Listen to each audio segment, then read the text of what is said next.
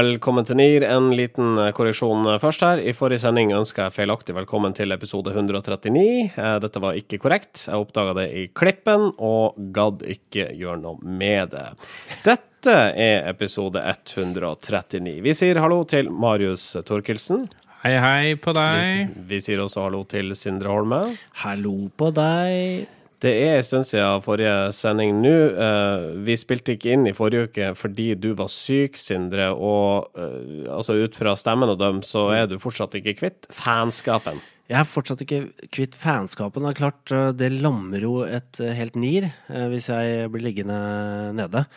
Jeg kom meg opp Jeg var faktisk oppegående i dag, og jeg må fortelle en liten historie, fordi at jeg var Eh, jeg skulle en tur på, til dyrlegen med min kjære ørkenrotte Sne. Eh, og jeg tenkte at eh, her kan jeg lage en liten Snapchat-story ut av. Det er jo litt sånn eksotisk å sant, dra til dyrlegen med den, for den, den, var ikke helt Den var liksom ikke helt frisk, da. Den, ikke den heller? Uh, ikke den heller. Kanskje den har smitta av meg. Uh, men så tenkte jeg, og så, så snappa jeg litt sånn underveis, og så kom jeg til dyrlegen, og kom jeg inn til, inn, inn til liksom sjølve legen, da. Uh, og da hadde jeg snappa en del uh, koselige bilder av, av Sne som snuser på telefonen og litt sånn. Og så bare Nei, den her er jo uh, sjuk. Den her, altså, her er jo ikke frisk. Ja. Altså, den, den, jeg tenkte bare det var liksom kanino, gi antibiotika, penicillin, antibiotika, så ordner dette seg.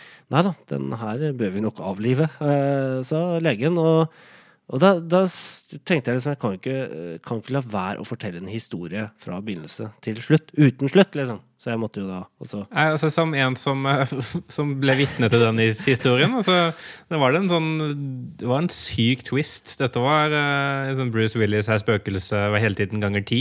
For det var sånn masse hygg, hyggelige ting. Uh, ørkenrotte som leker med dorull, ørkenrette som snuser på hånd. Og så plutselig pappeske med ørkenrotte visstnok er død oppi. Mm. For en forferdelig inngang på uh, sending. For, for, for, en traumatisk opplevelse. Ja, var... Jeg så ikke den kom da du ja. fortalte det nå. Nei, nei, det var litt sånn Jeg tenker at jeg, jeg måtte nesten liksom unnskylde meg overfor de som så den storyen, for det var utrolig lite hyggelig. Kanskje litt deprimerende for noen, men veldig deprimerende for meg, da. Ja. Uh, ikke minst så måtte jeg fortelle dette her uh, til uh, verden. Sånn er livet. Innimellom så er det Alle, alle historier har ikke en god slutt. Nei. Det er sant. Men, men, øh, men for dere, det, det, ser jo ikke dere i studio, men Sindre har lagd en lekker ørkenrotte-quiche som vi koser oss med her. Nei, nå må vi må vi slutte å dra ting for langt til stadighet. La oss uh, se på hva som ellers da, har skjedd siden sist vi var på lufta. Ole Kristian Apeland har siden sist kunngjort flytting av PR-byrået sitt fra Slottet i Bærum til Barcode i Bjørvika. Det blir en ny virkelighet for oss, med adgangskort, felles kantine og heis, sier Apeland til Bustikka.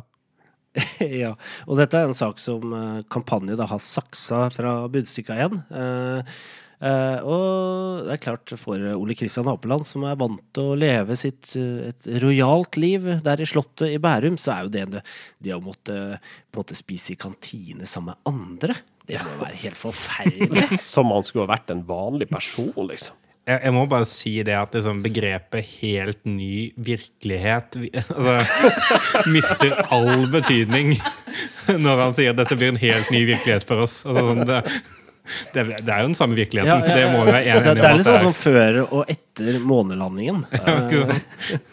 man bør definere virkeligheten si ut ifra mer enn kontorlandskapet man er en del av. Altså Hvis Apeland Informasjon hadde flyttet kontorer til en annen dimensjon, da kunne jeg vært med på helt ny virkelighet. Men det har de ikke gjort. Mm. All right. Um, og Sigurd Grytten i PR-byrået Zynk har vært på USA-tur, og han fløy Norwegian. Og Dreamlineren var sent Eh, ut av gaten. Grytten liker ikke forsinkelser, og stelte i stand navnekonkurranse på Twitter. Hva bør Dreamlineren omdøpes til, spurte han, og foreslo sjøl en del ting. Crapliner, shitliner, fuckliner og suckliner. Um, han, han, fikk ikke noe særlig viral respons på de her meldingene sine, det skriver Medier24, annet enn én fyr som prøvde seg på en one-liner som svar. det er, ja, og det, det er jo Dette ble jo en, ble jo en sak, eh, og jeg må si Cecilie Staude gikk ut og kommenterte dette her, at alle som er til stede med profiler i sosiale medier, har et ansvar som ligner det ansvaret som en redaktør i et tradisjonelt mediehus har. Eh, altså, altså, ja, det er, det er vel riktig, Cecilie Staude, men det her var et eh, Det var en frustrasjon. Det var en sånn eh, eh, En refleks.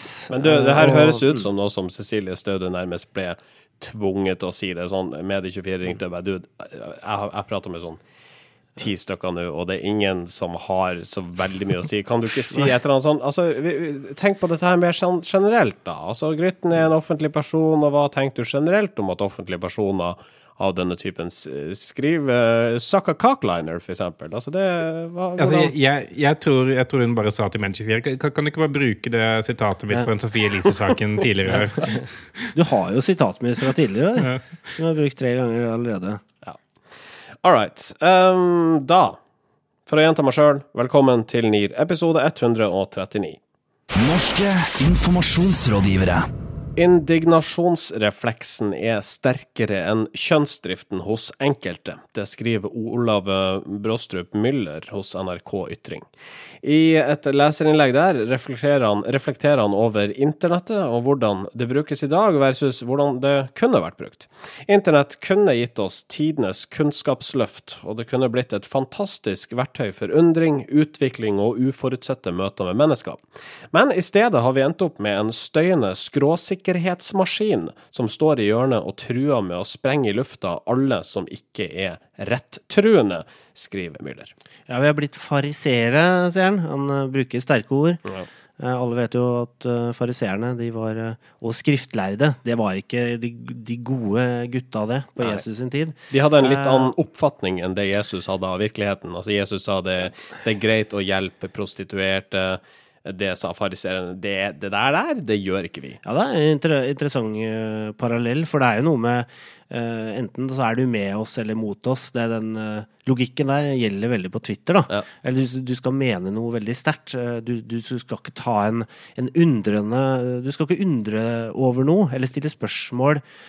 Eh, ved eh, På en måte Du skal ikke kunne undre i det hele tatt. Du skal bare ta det standpunktet som alle andre allerede har tatt. Ja, han bruker eksempel fra Per Fugelli, da, som eh, denne uka her gikk ut og sier at, eh, at vi må prøve å forstå dette her med barneekteskap, og hvorfor det skjer. For det er en uh, tradisjon som har vært i tusen år i enkelte land. Og så sier han at vi skal ikke godta det, men prøve å forstå at dette er en skikk. Og, og Fugelli, som mange har fått med seg, han ble jo nedrent av ja, eh, hva skal jeg si, kritikk, da. Ja. Og mye kjeft eh, fikk han, og det er det Olav eh, Müller altså Det er nok poenget hans i kronikken her også. Altså, i stedet for bare å springe ned Fugelli, så er det OK, kanskje man kan være enig i det. Prøv å forske litt, da. Altså, finne ut av disse tingene. Hva ligger bak barneekteskapet, for så å si OK, greit, men da kan vi fighte på denne måten. Ja, og jeg jeg syns uh, Brostrup eh, Miller er, er eh, veldig, veldig presis når han beskriver den, den virkeligheten som vi nå er en, eh, en del av. Fordi eh, altså det der med å være nyansert, at det der med å faktisk eh, mene at en sak kan ha flere sider, det er det ikke rom for. Da. Spesielt ikke i sosiale medier, og heller, heller, ikke heller i den offentlige politiske debatten heller. Fordi man er i veldig stor grad det man mener. Da. Det gjelder jo ikke bare sånn i viktige saker som f.eks. flyktningdebatt eller videre, men det gjelder jo like mye sånn altså man er det ølet man drikker, man er den regissøren man, man eh, liker, man er eh, den, den katten man eh, ble i den BuzzFeed-testen. Altså, mm. Så alt man deler må være veldig ekstremt fordi man, eh, hvis man skal bli hørt, da, fordi det er så mye støy. ikke sant? Så istedenfor å synes at eh, å, jeg syns kanskje denne filmen her var eh, litt, litt kjedelig, så sier man det er den verste drittfilmen jeg har sett. Og hvis, hvis Norwegian da er litt forsinka, så det, går man ut på en rant om hvor jævlig Dreamliner er. ikke sant? Um, Suck a bag of dick, liner! ja, ikke sant? Altså, men men det, det gjør man jo fordi det er sånn man blir hørt. Og det viser jo synes jeg, hele den der, eh, Sigurd Grytten-saken. er jo nettopp at Den oppmerksomheten han får, er fordi han er spissformulert, og fordi han skriker høyest. Da. Og det er liksom hele den nye medievirkeligheten, fordi alle har en mikrofon. ikke sant? Det som er litt skummelt med den type Det som eh, Brostrup eh, Müller sier, er jo at du jager bort ganske mange flinke, smarte folk fra sosiale medier. da. Fordi at jeg tror det er veldig mange som faktisk er enig med Per Fugelli, og forskere f.eks. Jeg husker når jeg studerte antropologi, da, så, så lærte vi om det at det å gifte seg, det, det handla jo om, om å bygge allianser mellom, eh, mellom klaner og familier. Sånn at det, det, hadde veldig, det, det er en veldig sånn komplisert greie. Og hvorfor, hvorfor noen gifter seg og ikke i, i en del kulturer. Det, det handler om å liksom ja, og det, det er noe strategisk ved det. Her så tenker man at det handler om kjærlighet, og her er seksuell lavalder og sånn. Men altså Jeg skal ikke gå for mye inn i det, men det, det er noe med at man, man får ikke De nyansene her, det er helt, de, de får ikke vise seg i, i sosiale medier. Og, og hvem som helst som hadde kommet Unni Wikan eller hvem det ville vært som er type sånn antropologer og forskere, ville liksom støtta Fugelli, hadde bare blitt nedsabla umiddelbart. For det blir tolka inn i et sånn kjønnsperspektiv, og, liksom, og at dette kan vi ikke tolerere, osv. Ja, og så er det jo også det- at eh, altså, man har den der eh, konsensusen da, som eksisterer, og det, altså, du skal mene noe innenfor disse rammene. Jeg tolker det dit hen at det er disse altså, skråsikre bastantene der ute han retter skytset mot uh, Müller, som legger til at det må da gå an å bruke spørsmålstegnet på tastaturet litt oftere, ikke bare utropstegnet hele tida. Ja, ikke sant? Og, og, og, jeg, og jeg vil jo si at det der med å være usikker på ting, da, eh, og ikke helt vite hva man mener om ting, det burde man nesten, nesten, burde nesten prøve å gjøre til et statussymbol. Da, fordi det betyr at man faktisk evner å sette seg inn i flere, eh, flere eh, argumenter og, flere sider ved, ved en sak. Det er rett og slett en Eh, kvalitet. Ja, det er kjempekvalitet, tenker jeg. Og, og det er jo sånn, vi, vi har snakket en, en del om det på jobb. fordi eh, den, hva, hva slags type rolle skal, skal et medie som Aftenposten ha, for eksempel, da, i en, i en uh, mediehverdag hvor alle synes å vite veldig godt hva de mener. Altså sånn, eh, Folk er egentlig veldig ute etter å få bekrefta sine egne meninger fremfor å få kanskje de nyansene som forklarer at ja, begge deler kan eksistere samtidig. Eh, og, og vi har jo kommet fram til at det, sånn, nettopp det der altså Det som uh, Brustad Müller også setter fingeren på, at det er en viktig sånn, posisjon for oss å ta. Da. At, at vi må tørre å si at det er viktig og tørre å være u usikker, og det er viktig å fremheve de stemmene som f.eks. Per Fugelli, som, som, uh, som er veldig god på å tørre å gå i den debatten. Men selv han blir jo uh, kjefta i hjel når han prøver liksom å nyansere noe. Han vil bare forske litt, men nei, det, her skal det faen ikke forskes. Nei. Og, og, og, så, og så er det noe med at øh, hvis du blir for undrende, så, så passer ikke det standpunktet inn i en Dagsnytt 18-debatt. Så da da, da, da, da går det liksom ikke. Eh, Det er noe med mange det. svar på det. Altså, det kan være ja, det kan altså, være nei. jeg Altså, er jo ikke 100% sikker på det. Hæ? Det er jo ikke det? Jo, det må det være. Da kommer Hans Gillemid med tåkefyrstepris, så blir du uthengt. Mer tåkeprat. Det er det vi vil fram til. All right, tommel opp for uh, Olav Brostrup Müller. Ja. Absolutt. Norske informasjonsrådgivere. Jeg bare legge til en ting. Eh, jeg leste en eh, kjempemorsom kronikk i VG her om dagen, signert eh, Sanna Saroma, eh, hvor hun ironis ironiserte over harrynormen på Gran Canaria. Fikk Ja, ja, ja, den? ja, stemmer det. Nå var jeg så innom. Altså, la meg bare ta- ta en sånn kjapp oppsummering på den. Altså, ved å harselere over og samtidig ta avstand fra øldrikkende og røykende nordmenn med godt synlige rumpesprekker, understreker min egen kulturelle og sosiale posisjon, som jeg anser som høyere enn deres, skriver Sarma.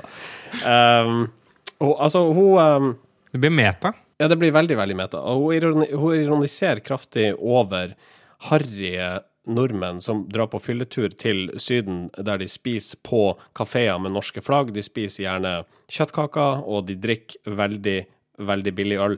Men samtidig, hun er jo der sjøl? Sånn at det blir, det blir en sånn veldig morsom historie. Og til tross for denne ironien som ligger i bunnen, Uh, og til tross for at jeg er 100 sikker på at Sanna mente dette godt, så blir folk så forbanna. Selvfølgelig blir de forbanna. Ja, spesielt på VG-nett. da. Ja, ja, Altså, er du gæren? VG heiv seg på telefonen til Charterhilde, som ifølge VG da er i harnisk. VG tegna bildet ganske bra. Altså, eh, Charterhilde hoia i telefonen og snakka på inn- og utpust, skriver avisa, og siterer Hilde på dette. Er det rart det blir krig i verden når man skriver noe slikt? eh, Ja, fordi de er, de, henger de to tingene sammen, Hilde? Det er det jeg er litt usikker på. Altså, har morsomme skråblikk på harrykulturen i Syden noen gang starta kriger? Kan, kan, jeg, få- kan jeg få til å legge til eh, når Charter-Hilde da er i harnisk Jeg vet ikke om det er journalisten eller Charterhilde selv som føler seg i harnisk. Men uh, vil dere vite hva harnisk egentlig betyr? Ja, gjerne. Ja.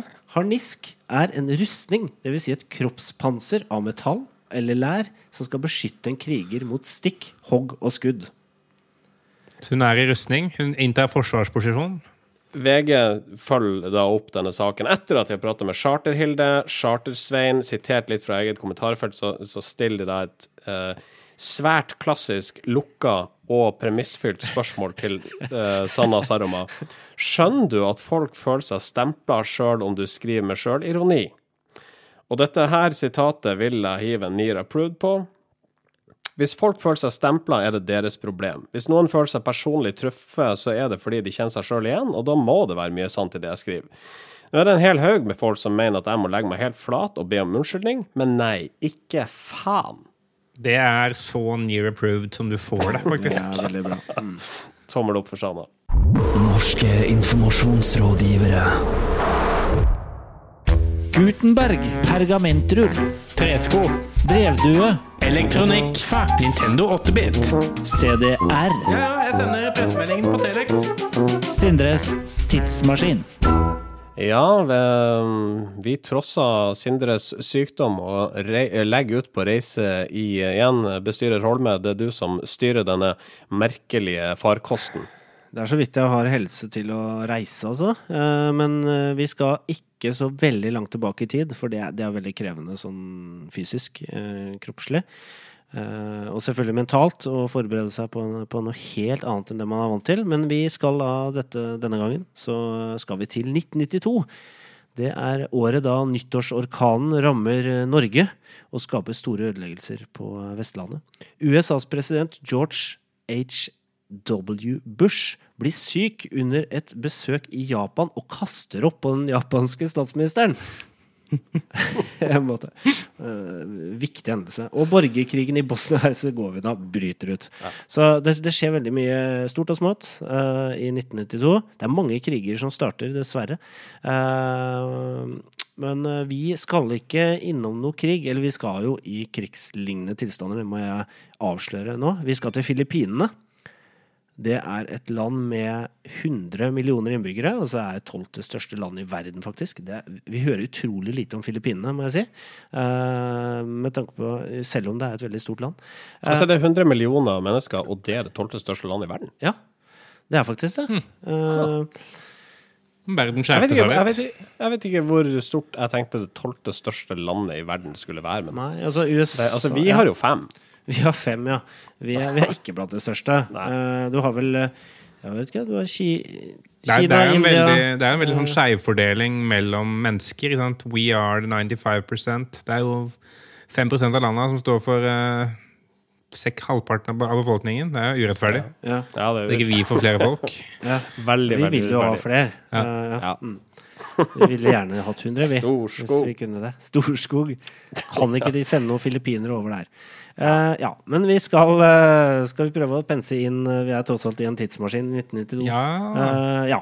Ikke sant? Vi, vi er da på Filippinene. Det er en viktig vekstregion for vestlige merkevarer. Ikke sant? De kryper inn her, tenker at her kan vi tjene penger i fremtiden. Deriblant Pepsi. Og Pepsi konkurrerer med Coca-Cola, som i 1982-1992 har et stort forsprang på den her eh, coladrikken Pepsi. Og det ønsker Pepsi å gjøre noe med, så de lager en kampanje for å øke salgsvolumet på Filippinene. Og kampanjen de lager, går ut på å finne at folk skal finne et tresifret nummer i korken som kan gi en gevinst på 1 million pesos. 1 million pesos er ikke tre kroner, altså. Det er, det er faktisk en halv million kroner eh, på den tiden her, i 1992, så det er ganske mye penger. Og det begynner bra. Folk kjøper Pepsi og drikker Pepsi. ehm, og salget går kjempebra. Så annonserer Pepsi selve vinnernummeret. Uh, vinnernummeret er 349. Jeg, jeg, jeg, jeg syns jo det er noe spesielt med å bare ha tresifret vi, vinnernummer. Men, uh, så jeg, for meg så ringer jo alarmklokkene der. Uh, og problemet er at nummeret er ikke unikt. Det er ikke én vinner på det nummeret. Vinnernummeret er nemlig printet på 800 000 korker! Oi sann. Eh, Titusener av filippinere gjør krav på gevinsten. Eh, det blir opprør i hovedstaden Manila, og det regner da med Molotov-cocktails i gatene. Det var starten på den filippinske våren, som den til, eh, senere har kommet til å hete. Eh, helt riktig. Og nå drikker du bare cola. Coca-Cola. Eh, 30 Pepsi-lastebiler blir brambomba brannbomba. Eh, det blir kastet granater inn på hovedkvarteret til Pepsi. Og de ansatte blir evakuert fra Filippinene.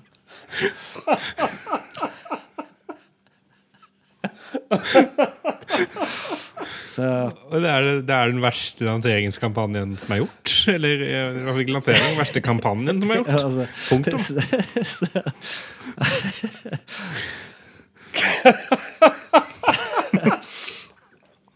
Det som ikke er så hyggelig, det er at to mennesker faktisk dør i opptøyene, og seks blir skada. Ja, det er klart. Det, Men, eh, men eh, ler ikke av det, men Skal jeg kanskje ikke sagt Nei, du, det. du burde, altså, du burde stoppa historien tidligere, for Ja, fram til da var den så morsom at jeg gråt. Når jeg gråt. På samme måte som med ørkenrotta. du må stoppe før død.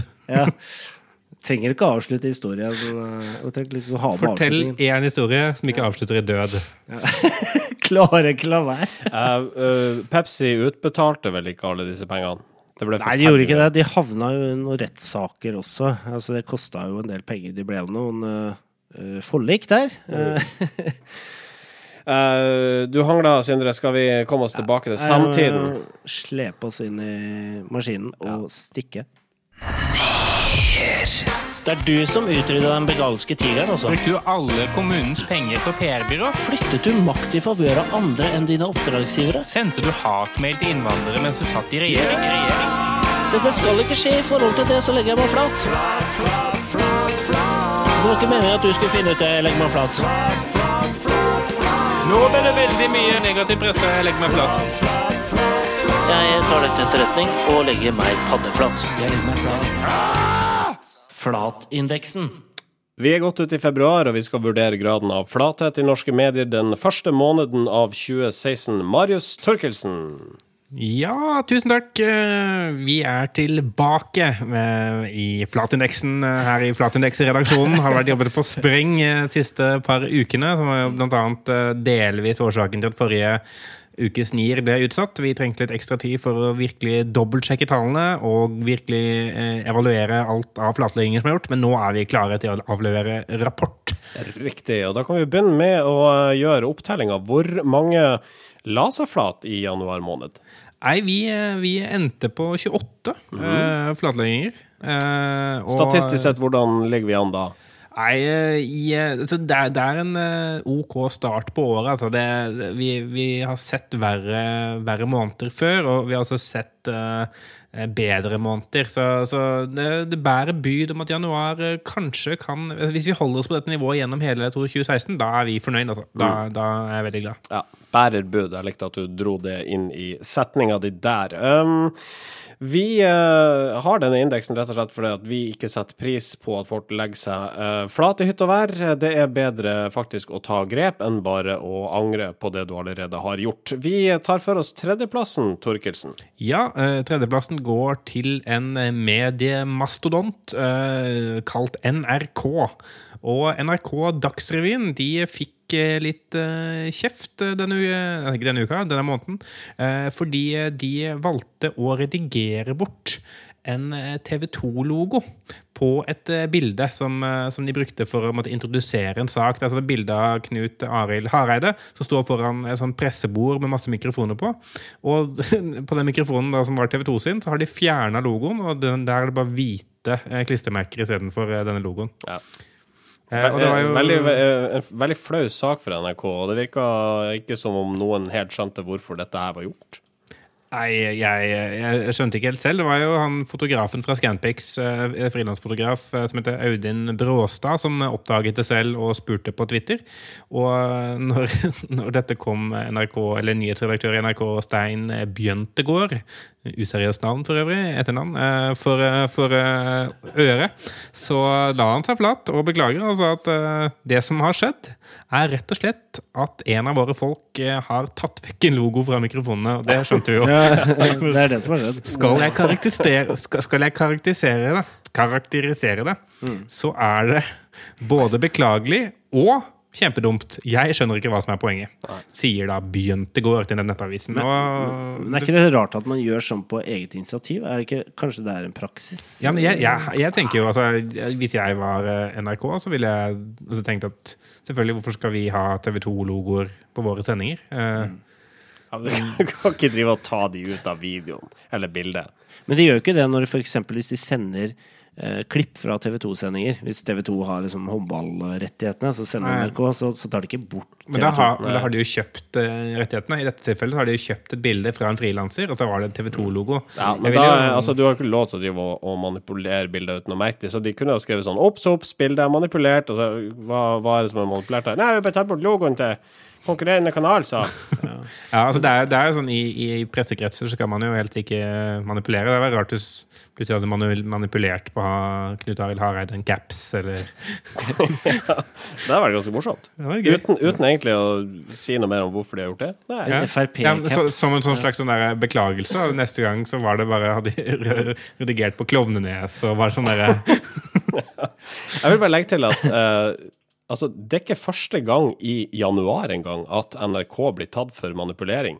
Den 19. januar så kunne blant andre Dagbladet melde at NRK har eh, manipulert eh, film i en reportasje de skrev om eh, legevakta i Storgata i Oslo. Ja. Der de, altså, de har lagt inn noe sånn der type overvåkningsopptak på et bilde der over, overvåkningsbildene egentlig ikke var. Det stemmer. De fikk kritikk for det der. eh, og, og det de, de, altså, Politiet ble jo eh, pålagt å, å, å frigjøre de her opptakene. Det var en som døde på legevakta etter et basketak. basketak. Eh, og så uh, kom NRK og, og lagde en reportasje ut av det, og da klippet de det sammen på en måte som, hvor det fremsto mer voldsomt, eller mer intenst, da, Uh, det som skjedde i tid, enn det det faktisk gjorde. Og de fikk kritikk for det, og det er jo ganske Det er liksom farlig, egentlig, å drive med manipulere på den måten der. Men nå- drifter vi. Eh, en andreplass på flatindeksen, Thorkildsen? Ja, eh, andreplassen. Da skal vi til en annen eh, mediebauta eh, i det norske medielandskapet. Vi skal til Sofie Elise. Eh, Herregud, da. Det her er, eh, eh, var ikke vi enige om i forrige sending? Det er siste gang vi prater om Sofie Elise på en stund. Og her drar du opp igjen. ja, jeg tenker Sofie Elisaksen er bra for vår reach, og vi trenger litt reach om dagen. Fordi en ikke-navngitt uh, podkast som, heter som rimer på Fjedia Fjuls, har fått så mye lyttere, og vi ikke har fått noen flere. Eh, så vi trenger litt reach. Jeg, eh, jeg begir meg inn i Sofie Elise. Uh, er det det det lov å jeg kan si? Jeg, jeg... Oh, dette hjelper ikke på lyttertallene. Er jeg. Jeg altså, jeg tror ikke dette her anses som kvalitet innen podkast... Eller? Nei, Eller er nei, det? nei, nei, det er ikke Nei, det. det er ikke det. Kom igjen. Eh, Sofie Elise Isaksen, eh, 21 år, hun fikk eh, irettesettelse i januar fra Statens legemiddelverk fordi hun hadde en eh, annonse eller et sponset innlegg på sin blogg av, fra en Botox-produsent, eh, hvor man da kunne få rabatt på Botox-behandlinger hvis man eh, refererte til Sofie Elise på klinikken Aesthetic Clinic i Oslo. Og eh, det Når hun da fikk refs, så, så, så beklaget hun. Det Jeg bare beit meg litt merke i den beklagelsen, eller eh, flatleggingen. Eh, hun sier at 'jeg ante ikke at dette var ulovlig ettersom jeg ikke hadde hørt noe eller fått noen retningslinjer på det'. Eh, og, og så sier hun selvfølgelig at det er min feil, så det skal ikke skje igjen. Men det der at man at det er noen andre som er ansvarlig for å gi Sofie Elise retningslinjer om hva som er lov og ikke lov i markedsføringssammenheng, det, det syns jeg er en veldig tynn eh, beklagelse. Eh, jeg håper, håper ikke hun liksom bruker det i resten av livet sitt. Og, Sånn generelt, sånn også hva gjelder f.eks. straffeloven. Hva? ja, ikke sant? Jeg visste ikke at det ikke var lov å bryte seg inn hos naboen og stjele vasen. Dette har jeg ikke fått noe fra Forbrukerombudet om, eller Forbrukerrådet om, eh, hva som er lov. Eh, men, eh, men hun legger seg alltid flat og, og hun sier at hun, hun skal bli enda mer bevisst på sin rolle som rollemodell, ja. og, og så videre, og så videre. All right. Vi har kommet Du har hatt to gode plasseringer her, så det knyttes store forventninger til den flateste i mediebildet i januar 2016. Ja, og bare for å holde mediebransjen eh, Gjøre det til en mediebransjetrifekta, uh, rett og slett, så, så gir vi førsteplassen også til en medievirksomhet. Eller egentlig til en slags sånn kombinasjon av to medievirksomheter. Altså, hvis Radio Norge og VG hadde fått et barn, da hadde det vært eh, Johanna Grønneberg Mesa. Hun er eh, Hun er for tiden eh, Hun er for tiden vikar i, sist, nei, i førstnevnte bedriftsprogram Morgenklubben med Loven og co. Og, og, og Morgenklubben med Loven og co. De, de fjaser jo om hist og pist. Eh, og blant annet eh, så hadde de en sekvens hvor de snakka om aboriginere, altså denne urbefolkningen i eh, Australia. Australia. Og da sa eh, Johanna Grønneberg med seg følgende Du vet det folk i Australia? De er veldig, veldig stygge. De er kåret til verdens styggeste folk. De er kjempestygge! Har du ikke sett dem? Eh, det ble jo det ble jo reaksjoner på dette. her. Eh, Vanskelig å roe seg i land etter den der. Eh, Det hun sier til sitt eget forsvar, er Jeg tullet med noe man ikke skal tulle med, og nå legger jeg meg paddeflat. Jeg har noen aboriginske venner fra Australia som selv tuller litt med dette. Det hindrer nok filteret mitt et lite øyeblikk. Så uh, her har en kommunikasjonsrådgiver vært inne og sagt Ok, si, si det med venner. Si, legg til noen aboriginer på Facebook. Noen av mine beste venner er aborginere. Ja, jeg har stor respekt for deres kultur og deres stygghet. Uh. Disse aborginerne, er det sånn at de ikke er stygge, da? Nei, men det er jo ikke en, det er jo ikke en det er ikke en objektiv skala og stygghet og penhet. Nei, det er selvfølgelig. Ja, ja, nei, jeg, skal jeg, sies, jeg glemte å skjønne hvor det kommer inn fra. Sorry. Ja, ja, ja, selvfølgelig. Og det, det, det sier de også på Miss Universe. All right. Uh, ikke gjør narr av aborginere på Radio Norge, uh, må vel være mantraet her. ja. Ja. Uh, all right. Tusen takk for flatindeksen for januar, Marius, såkalt uh, Torkelsen. Vær så god. Norske informasjonsrådgivere.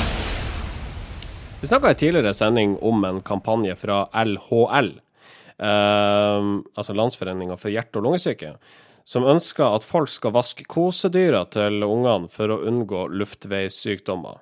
Kampanjen der du møtte kosebamser som så ut som diktatorer. Daily Mail har dekka denne historien. Og Ifølge dem så var denne kampanjen såpass omstridt at den ble forbudt i Norge. Ja, eh, jeg må jo si at eh, Daily Mail er gode på ordspill. De har jo overskriften sin The Third Reich. altså Furd med F-U-R-R-E-D. Bare det eh, gjør at jeg har lyst til å tro dem på alt eh, de sier. Eh, men de sier jo det, at uh, dette Denne ble banned i Norway. Uh, og det er jo bare tull og tøys. Og hvordan i alle dager de kan dra det så langt og, og liksom bare påstå det, det, det er ikke godt å si. Eh, og det er klart at det problemet med det er at et uh, norsk, et engelskspråklig medium som har så, ja, så stor rekkevidde som Daily Mail har, de uh, sakene deres blir jo plukka opp, da. Selv om ikke de er en førstekilde, så, så blir det, det plukka opp i Israel, India, USA, og saken blir videreformidla som om at i Norge så har de nå lagt ned forbud mot kosebamser som ligner på Hitler. Dormus Schaefer eh, skriver i en kommentar på journalisten at dette er en påminnelse om ikke å bruke aviser som troverdig kilde for noe som helst. Nei, og det, det føler jeg vi også har vært innom noen ganger nå. Og spesielt med tv2.no som eh, verste synderen, er at eh, bare fordi noe er skrevet i et utenlandsk medie som du har hørt om, så betyr ikke det at det er sant. Og du kan gjerne gjøre journalistjobben din likevel, og sjekke hvorvidt det stemmer. Det hadde jo vært gøy hvis, hvis dette hadde blitt referert tilbake igjen av tv2.no. Eh, Ja, da, da, da, føler jeg at uh, da hadde, Da hadde ringen vært sluttet, Ja, absolutt. Ja. si sånn. Ja. Da, da kunne du lagt ned tv2.no. Ja. Ja. Jeg tror kanskje Altså, det kan de strengt tatt gjøre uansett. ja, det kan de gjøre. uansett. Uh, nei da, men uh, vi har ikke noe annet å si på den saken der. Vi ville bare nevne at det skjedde, da. Ja da. Ja. Um, og da tror jeg vi skal sette en eh, strek, for eh, hvis ikke så tror jeg du fjernsmitta meg fra studioet i Oslo, Sindre. Så får vi Jeg håpe at eh, det blir likere til neste uke. Vi er på plass igjen neste fredag, forhåpentlig. Dersom Mm. ingen her eh, har pådratt seg noen lumske sykdommer eller har andre fraværsgrunner. I mellomtida så kan du eh, sjekke ut eh, våre nettsider, eh, altså Facebook-nettsider. da, Vi har ikke råd til vanlige nettsider, for altså, det krever folk som skal administrere dem, og det, altså, det, det går ikke. Eh, altså, Ref den konflikten vi har pågående nå i, altså, mellom studier da, rundt betaling. Ja, ja. Se, les mer om det i pressemeldingsform på facebook.com slash nearcast. Ja, vi kan, vi kan jo legge til at uh, folk kan også gå inn på Zoomeliten. Uh, en slags sammentrekning av sosiale medier-eliten-navnet inn i et litt, litt mindre navn. Zoomeliten.no. Der kommer vi også, vi her i NIR-redaksjonen, til å publisere uh, litt saker fra tid til annen om PR-bransjen. Litt sånn tøysete eh, saker. All right. Uh, vi setter den berømmelige streken. Uh, gjør det eh, fysisk på et papir. Uh, vi høres igjen om en uke. Fram til da. Ha det bra. Norske informasjonsrådgivere.